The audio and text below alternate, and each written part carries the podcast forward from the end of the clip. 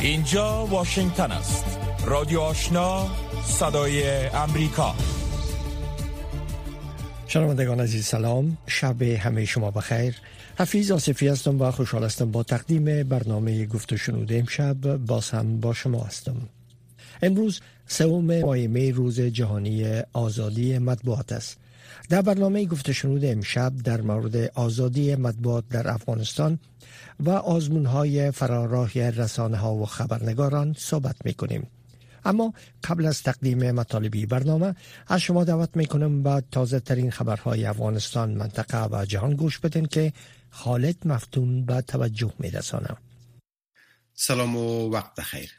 معاون دوم ریاست جمهوری افغانستان امروز دوشنبه گفت که گروه طالبان با کشتار ژورنالیستان و فعالان جامعه مدنی نمی‌تواند تصمیم حکومت آن کشور را متاثر کند و ما باید بدانیم که با سرکوب آزادی بیان و حمله بر خبرنگاران نه کسی حکومت افغانستان را شکست داده می‌تواند و نه تصمیم و اراده مردم افغانستان را دچار تزلزل می سازد. گروه طالبان با کشتار مردم و مخصوصا کشتار فعالان مدنی و خبرنگاران خود را رسواتر می سازند و ماهیت واقعی ضد مدنی و ضد دینی و ضد انسانی خود را آشکارتر می سازند. آقای دانش که به مناسبت تجلیل از روز جهانی آزادی مطبوعات سخنرانی می‌کرد همچنین عملکردهای گروه طالبان را غیر اسلامی عنوان کرد آیا انفجار ها در اماکن عمومی و در میان مردم ملکی از نگاه شریعت واقعا جواز دارد. آیا کشتار دو شب پیش در لوگر اون هم کشتن جوانان محصل و مؤمنین روزدار در موقع افطار جواز شرعی دارد؟ آیا ترور خبرنگاران زن مسلمان در جلابات جواز شرعی دارد؟ آیا اختطاف مسافرین از مسیر راهها و تیرباران آنان جواز شرعی دارد؟ اینها سوالاتی است که امروز پاسخ آن برای همه مردم ما روشن است.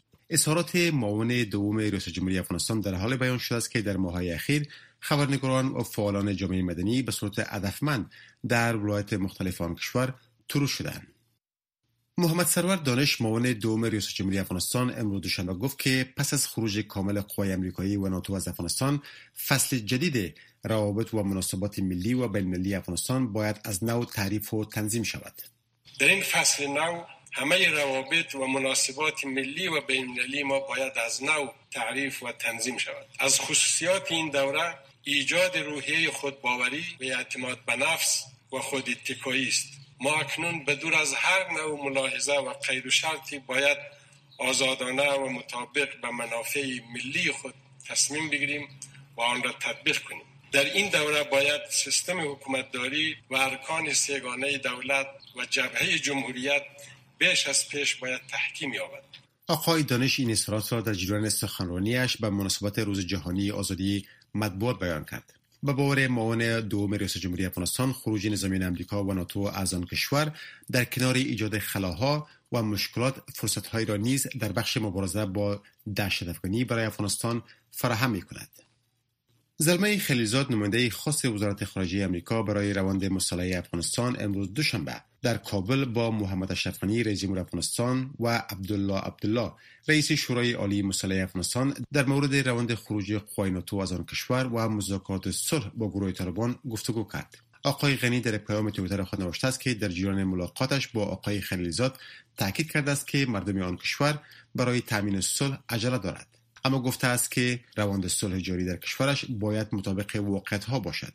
در این حال فریدین خوازون سخنگوی شورای عالی مصالحه افغانستان گفته است که آقای عبدالله نیز با آقای خلیلزاد در مورد روند صلح افغانستان ملاقات کرده است. رئیس شورای عالی مصالحه ملی با دکتر زلمه خلیلزاد در حالی که برخی از بزرگان کشور هم حضور داشتن دیدار کردند و در این دیدار درباره تحولات اخیر پروسه صلح و آمادگی ها صحبت های صورت گرفت و همچنان سر اجماع منطقوی و خروج نیروهای خارجی از افغانستان و روابط جانبه ایالات متحده امریکا و افغانستان و تحولات اخیر در پروسه صلح افغانستان صحبت صورت گرفت. سفر آقای خلیزاد در حال به کابل صورت گرفته است که نمایندگان گروه طالبان تا حال از اشتراک در کنفرانس صلح ترکیه اجتناب کردند. مقام های محلی هرات امروز دوشنبه گفتند که نزدیک به 200 تن از افراد گروه طالبان یک شنبه شب بر مواضع قوای امنیتی افغانستان در ولسوالی فرسی آن ولایت حمله کردند که به سر آن بر دو جنا تلفات وارد شده است. سید وحید قتالی ولی هرات به صدای امریکا گفت که جنگجویان گروه طالبان با انفجار یک موتر مملو از مواد انفجاری بر قماندانی امنیه ولسوالی فرسی حمله کردند که در آن یک سرباز اردوی ملی و چهار سرباز پلیس ملی جان باخته و سه سرباز پلیس دیگر زخمی شدند. به گفته ولی هرات در این درگیری که بیش از پنج ساعت به طول انجامید نو تن از افراد طالبان کشته و بیش از ده تن آنان زخمی شدند. در خبر دیگر مقام های محلی ولایت فرا گفتند که بستر انفجار در منطقه شیوان ولسوالی بالا بلوک آن ولایت افت سرباز اردوی افغانستان کشته شده و یک سرباز دیگر به اسارت گروه طالبان افتاده است. تاج محمد جاهد والی فرا امروز دوشنبه به صدای امریکا گفت که جنگجویان طالبان با آفری یک تونل خود را به یک مرکز سربازان اردوی ملی در آن ولسوالی رسانده و پس از آن این پایگاه را انفجار دادند. به گفته ولی فرا پس از این انفجار درگیری شدید میان قوای افغانستان و گروه طالبان صورت گرفت و درگیری ها تا صبح دوشنبه به وقت محل ادامه داشت. او اضافه کرد که در این درگیری ها پنج جنگجوی طالبان کشته و ده تن دیگر آنان زخمی شدند. گروه طالبان تا حال در مورد این رویدادها تبصره نکرده است سروی مشترک اداره ملی احصایه افغانستان و دفتر مبارزه با مواد مخدر و جرایم سازمان ملل متحد نشان می‌دهد که در سال 1399 خورشیدی کشت کوکنار در افغانستان 37 درصد افزایش یافته است. احمد جاوید رسولی رئیس اداره ملی احصایه و معلومات افغانستان گفته است که در سال 1399 خورشیدی 224 هزار هکتار زمین در سراسر افغانستان کوکنار کشیده است. آمار رسمی نشان می‌دهد که در سال 1398 خورشیدی در سراسر افغانستان 163 هزار هکتار زمین کوکنار کشیده بود. در این حال انجلا می رئیس واحد تحقیق و تحلیل دفتر مبارزه با مواد مخدر و جرایم سازمان ملل متحد گفته است که با وجود مشکلات ناشی از همهگیری کووید 19 این اداره با همکاری اداره ملی ایسایه و معلومات افغانستان توانستند که این سروی را تکمیل کنند. خانمی گفته است که بر اساس یافته های آنان بیش از 6300 تن تریاک در سال گذشته در افغانستان تولید شده است. بر اساس این سروی 68 درصد مزارع کشت کوکنار که نزدیک به 153 هزار هکتار زمین می شود در جنوب و جنوب غرب افغانستان موقع دارد. بر اساس گزارش سازمان های بین افغانستان بیشترین مقدار مواد مخدر را به صورت غیر قانونی تولید و تولید می کند و بر اساس گزارش ها گروه طالبان بخشی از مصارف جنگی خود را از طریق کشت مواد مخدر به دست می آورد.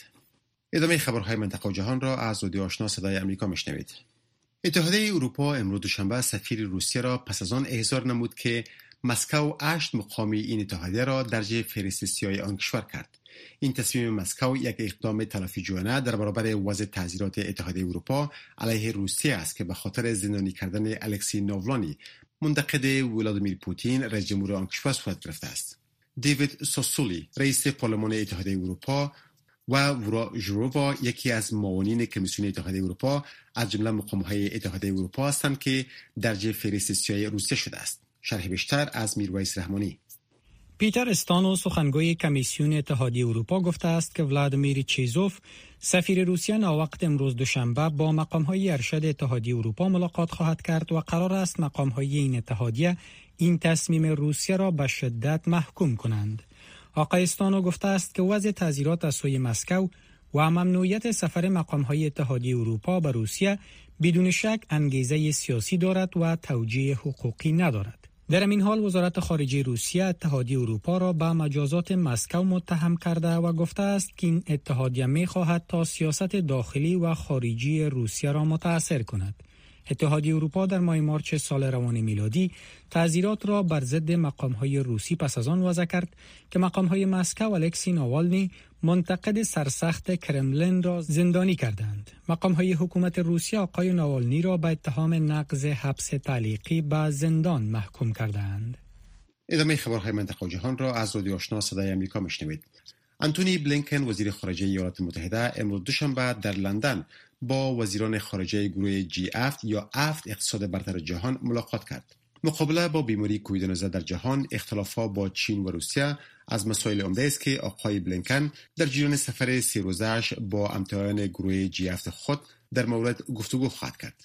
برنامه استه ایران و کره شمالی از دیگر مسائل است که آقای بلینکن در جریان بحث‌های خود با وزیران خارجه گروه جی افت مطرح خواهد کرد وزیر خارجه امریکا امروز همچنین با وزیران خارجه ژاپن، کره جنوبی، برونی، هند و بریتانیا در مورد افغانستان، ایران و تجارت با چین نیز ملاقات کرد. قرار است نشست رهبران گروه جی افت که شامل ایالات متحده، کانادا، فرانسه، آلمان، ایتالیا، ژاپن و بریتانیا می شود در ماه جون سال روان میلادی در بریتانیا برگزار شود.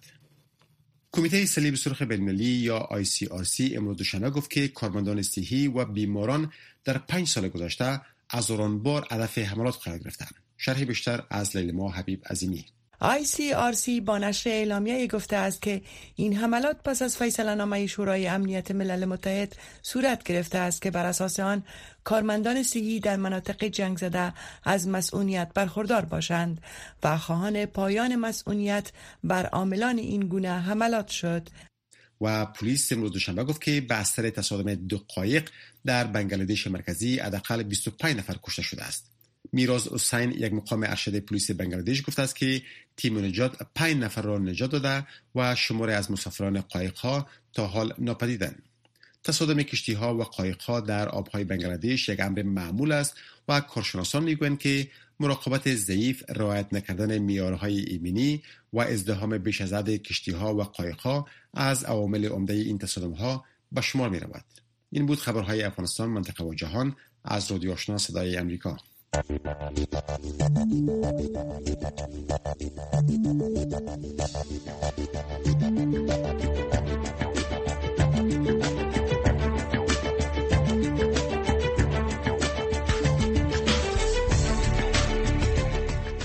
خبرهای افغانستان منطقه و جهان از رادیو آشنا صدای امریکا شنیدین. حال هم توجه کنین به این برنامه گفته شنود روز جهانی آزادی مطبوعات یک رویداد سالانه است که در سوم ماه می برگزار میشه. این روز توسط یونسکو نامگذاری شده. مجمع عمومی سازمان ملل متحد در 20 ماه دسامبر سال 1993 میلادی در 48 مین اجلاس خود روز سوم ماه می هر سال به عنوان روز جهانی آزادی مطبوعات اعلام کرد. این موضوع از قطعنامه مصاحب همایش عمومی یونسکو در سال 1991 که جراید آزاد و مستقل به عنوان یکی از اجزای ضروری جامعه دموکراتیک تلقی می کرد نشأت گرفته. آزادی رسانه و مطبوعات مثل یک زمانتنامه جانب دولت ها و رسانه های عمومی در برابر روی رویی با روندهای محدود کننده ابراز نظر در جوامع می باشد که حقوق قانونی رسانه ها و همچنین مراجع رفع اختلاف بین رسانه ها و شاکیان مشخص می کنند.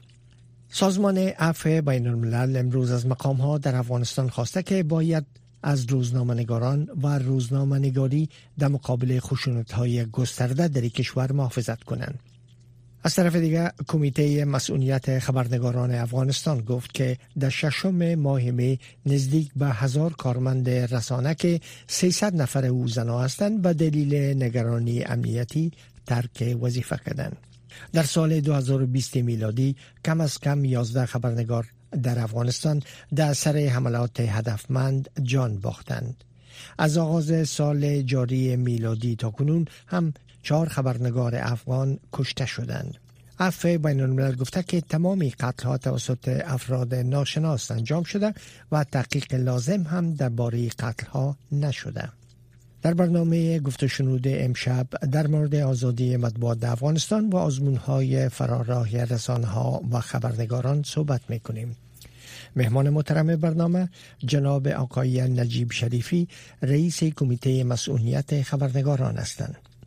تشکر جناب آقای شریفی از وقت شما و از حضور شما در برنامه. امروز روز جهانی آزادی مطبوعات است. آزادی که در افغانستان به قیمت زیاد به دست آمده. در حال آزاد نخست از وضعیت کنونی آزادی مطبوعات در افغانستان از شما بپرسم بفرمایید. خب به این شکل نیست که افغانستان آزادی بیان آزادی رسانه های که از بزرگترین دستاورد افغانستان در دو دهه گذشته هست امروز هم با وقت تمام چالش ها افغانستان از منظر آزادی بیان نظر به ردبندی سازمان گزارشگران بدون مست که مقرش در پاریس است در بهترین موقعیت در منطقه قرار داره حتی جایگاه ما از جایگاه هند هم که دموکراسی جهان خلندات میشه بهتر است.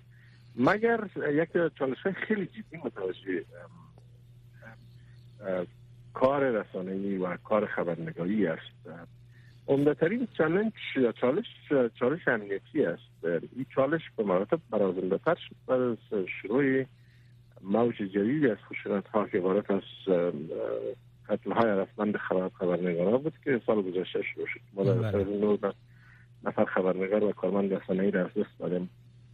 در پولوش دسترسی به اطلاعات یکی از چالش های دیگه است که هر روز دست شده میرد و چالش های مالی هم که با رسانه ها با اون مواجه است و بدبختانه بیشتر هم شده میره این هم یک از بزرگترین جنجال ها است که متوجه آزادی بیان آزادی رسانه ها است. روی هم رفته. با واسه تمام چالش ها چیزی که واقعا این مرا مورال میته و انرژی میته و جرأت میته است که خبرنگارای ما واسه تمام تحریف ها بدترین حالت هم خبرنگارا و رسانه ها هم کار خود ادامه دادن و وظیفه مقدس که با دست گزارشگری و اطلاع رسانی است انجام دادن. با بسیار جرات و, شجاعت خیلی بینظیر است. چنین شرایطی که اوضاع امنیتی و اقتصادی همچنان بسیار بسیار شکنند و نابسامان هست. یک مسئله دیگه که شاید بیم و حراس به وجود آورده باشه و یک نوع سردرگمی را هم خروج نیروهای خارجی از افغانستان است و بیم و حراس ازی که آینده افغانستان چگونه میشه. چون طرف های درگیر تا هنوز روی میز مذاکره نشیشتن و آجندا مشخص نیست. این مسئله چقدر تاثیر گذار است بر بر شرایط فیدی آزادی مطبوعات و خبرنگارا در افغانستان. خب در این شک نیست که جامعه جهانی یک نقش بسیار رو داشته دو دهه گذشته در قسمت ایجاد فضای آزاد به خاطر کار ای در افغانستان و به خاطر در قسمت رشد رسانه های آزاد. به سال ما می‌بینیم که از این شروع در سال 2002 2003 اینا کمک های اینا بود. در قد یک نقش خیلی در بازی کرد به که رسانه ها رشد کنه در افغانستان و اعتراضی زیاد رسانه ها ایجاد شد خب در پولیس نقش خود و مردم هم بسزا است و قوانینی که در این قسمت وضع شد. اینا هم نقش داشت در ایجاد فضای باز در افغانستان به خاطر کار اطلاع رسانی. اما نگرانی وجود دارم یا نگرانی بیشتر برای خارجی نیروهای خارجی اعلام کردن که از افغانستان خارج میشن. بخاطر که یک تعداد معتقد به هستن که در حضور کش... پر رنگ کشورهای خارجی است که در در یک شکل دمالت می‌کنه آزادی بیان آزادی رسانه ها را در افغانستان. او یک بود قضیه است. مگر بود دیگه چی است که خب دو دهه گذشته در قد آزادی بیان آزادی رسانه ها در رک رک مردم افغانستان جا گرفته. در قد وارد دینی مردم افغانستان شده.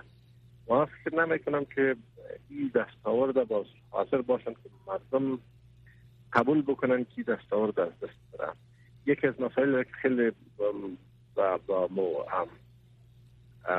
فراحت ما هم امروز در مجلس روزی مطرح ساختیم. موی است که ما به هیچ وجه حاضر نیستیم که در گفتگاه صلح آزادی رسانه ها و آزادی بیان مورد خبر معامله قرار و به شکل خیلی جدی تقاضا کردیم از تمام جناهان در نماینده خاص سازمان ملل هم تشریف داشتن. ما دوم رئیس تشریف داشتن که در قسمت باید جدی کار کنن. و کمیته مسئولیت خبرنگار در تر هم ایجاد کرده طرف حراست از آزادی رسانه ها در جریان پروسه صلح با همه شریک ساختیم. و خب در این کار خیلی نیاز است. در این زمینه و در ضمن امیدواری ما این است که حکومت در این قسمت این مسئله جدیتر چقدر حکومت شما پشتیبانی حکومت و همسویی حکومت با خود دارین در این راستا؟ خب حکومت در سطح کلان من فکر می‌کنم که اینا موافق هستن به ای که آزادی بیان و آزادی رسانه ها حفظ محفوظ بانه و خط همین دستاوردی که ما داشتیم این دستاورد تداوم داشته باشه در افغانستان. و دلیل که خب رسانه ها یک نقش خیلی عمده رو داشته در قسمت ملت سازی و دولت سازی و در قسمت رشد دموکراسی در قسمت بلند بردن آگاهی مردم در دو دهه گذشته خب در نفسش در پرنسیپ به نفع حکومت است. به نفع نظام است. مگر ما می‌بینیم که یک تعداد حلقات وجود داره و یک تعداد افراد وجود داره در داخل حکومت؟ اینا خیلی زیاد علاقه من نیستن به آزادی که ما فعلا در افغانستان داریم. اونا معتقد به این هستن که بیش از حد آزادی داریم. حالا که خب مشکل وجود نداره تا مدام که در چارچوب اصول اخلاق خبرنگاری کار رسانه پیش بره خب هیچ مشکل نیست. که آزادی هنوز بیشتر باشه شاید هم اونا اشاره به رسانه های اجتماعی و رسانه های مثل فیسبوک و توییتر اینا می‌گیرن که بعضا یک نوع لجام گسیختگی و خبرهای نادرست پخش میشه. نظر شما در این مورد چی است؟ بله فضای رسانه های اجتماعی واقعا در سر کلان ایجاد کرده و ما همیشه ما تاکید کردیم سر چیز چی میگه؟ که وقتی که موضوع خبر میشه باید خیلی معتاد باشن اینا به دلیل اینکه هر نوع شایعه می‌تونه که اجتماعی پخش اما این وظیفه خبرنگارا در حقیقت جدیتر می‌سازه و بیشتر می‌سازه مسئولیتشان بیشتر می‌سازه که باید خبرها را و از شایع باید اینا به صورت موثر فیلتر کرده بتانن سورت کرده بتانن که چی خبر است و چی شایع و در غیر از اینا خیلی به در دامن شایعات و پروپاگاندایی که هر روز دامنش وسیعتر شده میره. مثل در حقیقت این کار خبرنگاری زیر سوال می‌گیره ماهیت کار خبرنگاری زیر سوال میره. و با شما موافق هستم که فضا خیلی کار خبرنگاران رو مراتب دشوارتر ساخته و مسئولیت از اینا رو که باید اینا حقایق یا فکت ها رو پیدا کنن دشوارتر ساخته خب مگر نمیشه یک حالت هست؟ خبرنگار مکلف هست. باید همون مهارت های لازم در اشخاص به وجود بیاره به اینکه به صورت مؤثر فکت از شاید جدا کرده یکی مسئله پیش ما بیشتر هم اشاره کردن به آزادی که بسیار به قیمت زیاد به دست آمده.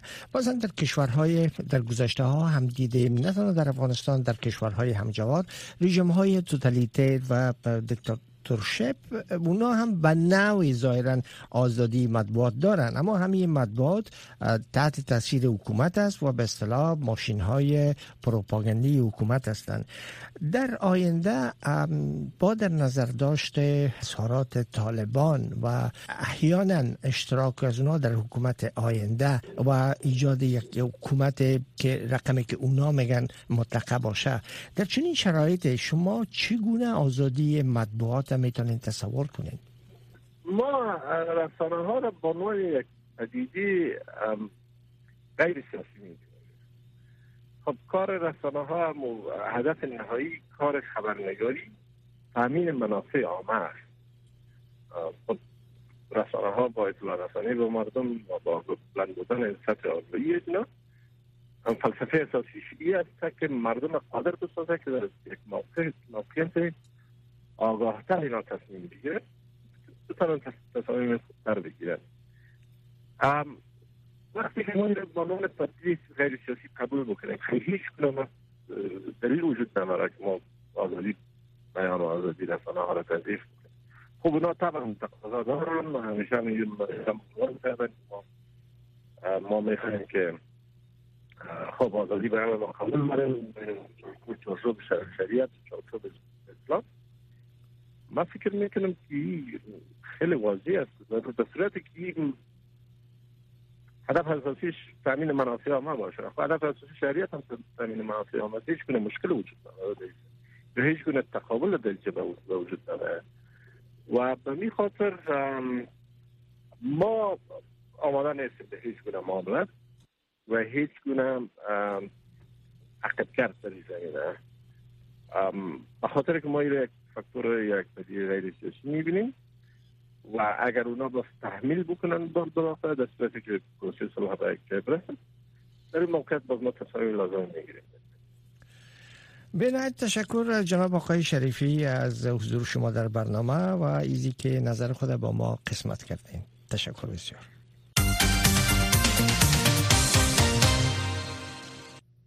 شنوندگان عزیز شما شنونده برنامه گفت شنود هستین. در قسمت برنامه گفت شنود به جان خود بود که به گزارش در رابطه به روز جهانی آزادی مطبوعات گوش بدیم. خبرنگاران و فعالان رسانه افغان همزمان با گرامی داشت از سوم ماه می روز جهانی آزادی مطبوعات از شدت یافتن تهدیدها و خود سانسوری در این کشور ابراز نگرانی می‌کنند. اونا میگن. با خروج قوای خارجی خصوصا ایالات متحده امریکا از افغانستان احتمال میره که وضعیت آزادی بیان به مخاطره بفته و تلاش های دو دهه اخیر جامعه جهانی برای تحقق دموکراسی در افغانستان از بین بره. در این رابطه گزارش داریم که با هم میشنویم. سوم می روز جهانی آزادی مطبوعات.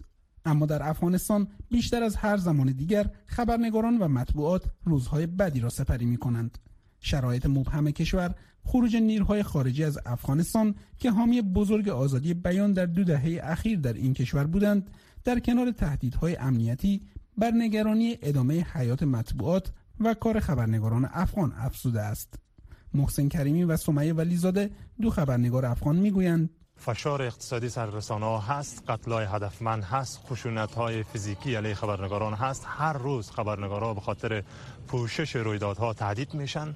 گزارش های اساسی تحقیقی کار کرده نمی‌تونن. مبهم بودن روند مذاکرات صلح افزایش تهدیدات امنیتی علیه خبرنگاران به خصوص خانم های خبرنگار و از یک طرف دیگه خروج سربازان خارجی از افغانستان. اینها همه سبب شده که نگرانی خبرنگاران به خصوص خبرنگاران خانم تشدید بخشیده بشه. چون تضمینی در شرایط کنونی وجود نداره که فرصت هایی که در حال حاضر برای خانم های خبرنگار مساعد از اینها در آینده باقی خواهد ماند یا خیر. نهادهای حامی خبرنگاران در افغانستان نیز وضعیت را چندان خوب نمی‌بینند به باور آنان در کنار تهدیدهای امنیتی وضعیت اقتصادی بسیاری از رسانه ها نیز مناسب نیست و احتمال توقف نشرات آنها می رود. مجیب خلوتگر رئیس اجرایی دفتر نی و همایون نظری نماینده کمیته مسئولیت خبرنگاران در هرات به صدای آمریکا گفتند نگرانی با بیرون شدن نهادهای و نیروهای بین است که خب گفتگوهای صلح شاید به یک نتیجه برسه یا نرسه در هر دو حالتش طالبا به نحوی فشارهایشان را بیشتر می‌کنن بر رسانه ها و این می‌تونه وضعیت جامعه رسانه ای را حتی که امروز بد است و بدتر از این هم بسازه خبرنگاران نگرانند که خلای نیروهای نظامی باعث خدشدار شدن آزادی بیان و آزادی مطبوع در افغانستان نشه. با وجود از که ایالات متحده آمریکا و اتحادیه اروپا حمایت های خود اعلام کردن امروز به مناسبت سوم می ولی نگرانی ها وجود داره که آیا در سالهای بعدی ما می‌تونیم که سوم می تجلیل بکنیم به شانی که امسال ما تجلیل می‌کنیم؟ اما مقام های دولتی دیدگاه متفاوت دارند. آریا روفیان رئیس اطلاعات و فرهنگ هرات می‌گوید که در یک سال گذشته وضعیت مطبوعات و رسانه بهتر شده و بعد از خروج قوای خارجی از افغانستان رسانه ها همچنان با آزادی کامل به کارشان ادامه خواهند داد با این حال سازمان عفو بین الملل گفته است که باید اقدامات فوری برای محافظت از خبرنگاران در افغانستان روی دست گرفته شود بر بنیاد اعلامیه این سازمان 11 خبرنگار در سال 2020 میلادی و چهار خبرنگار و کارمند رسانه‌ای در چهار ماه نخست سال روان میلادی در حملات هدفمند در افغانستان کشته شدند. خلیل نورزایی رادیو آشنا صدای آمریکا هرات. شنوندگان عزیز این بود داشتهایی برنامه گفته شنود که در همینجا به پایان رسید. تا برنامه بعدی که امیدوار هستم باز هم با شما باشم. شب خوشی بر همه شما آرزو می‌کنم.